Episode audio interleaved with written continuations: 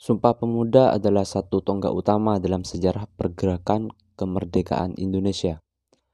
Namun sangat disayangkan bahwa pemuda-pemudi Indonesia pada kala ini sudah tidak menghargai dan memaknai peristiwa Sumpah Pemuda ini.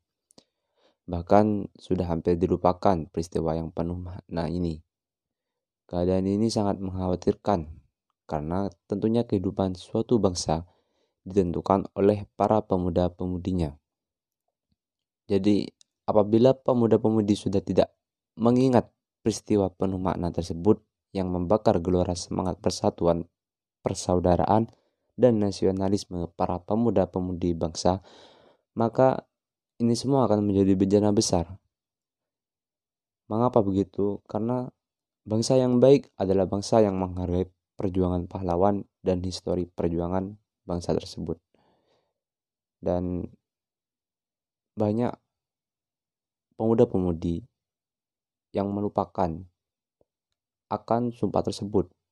Contoh kecilnya yakni banyak dari kalangan pemuda yang tidak hafal dengan apa isi dari sumpah pemuda tersebut. Dan itu sangat tidak mencerminkan pemuda-pemudi yang baik.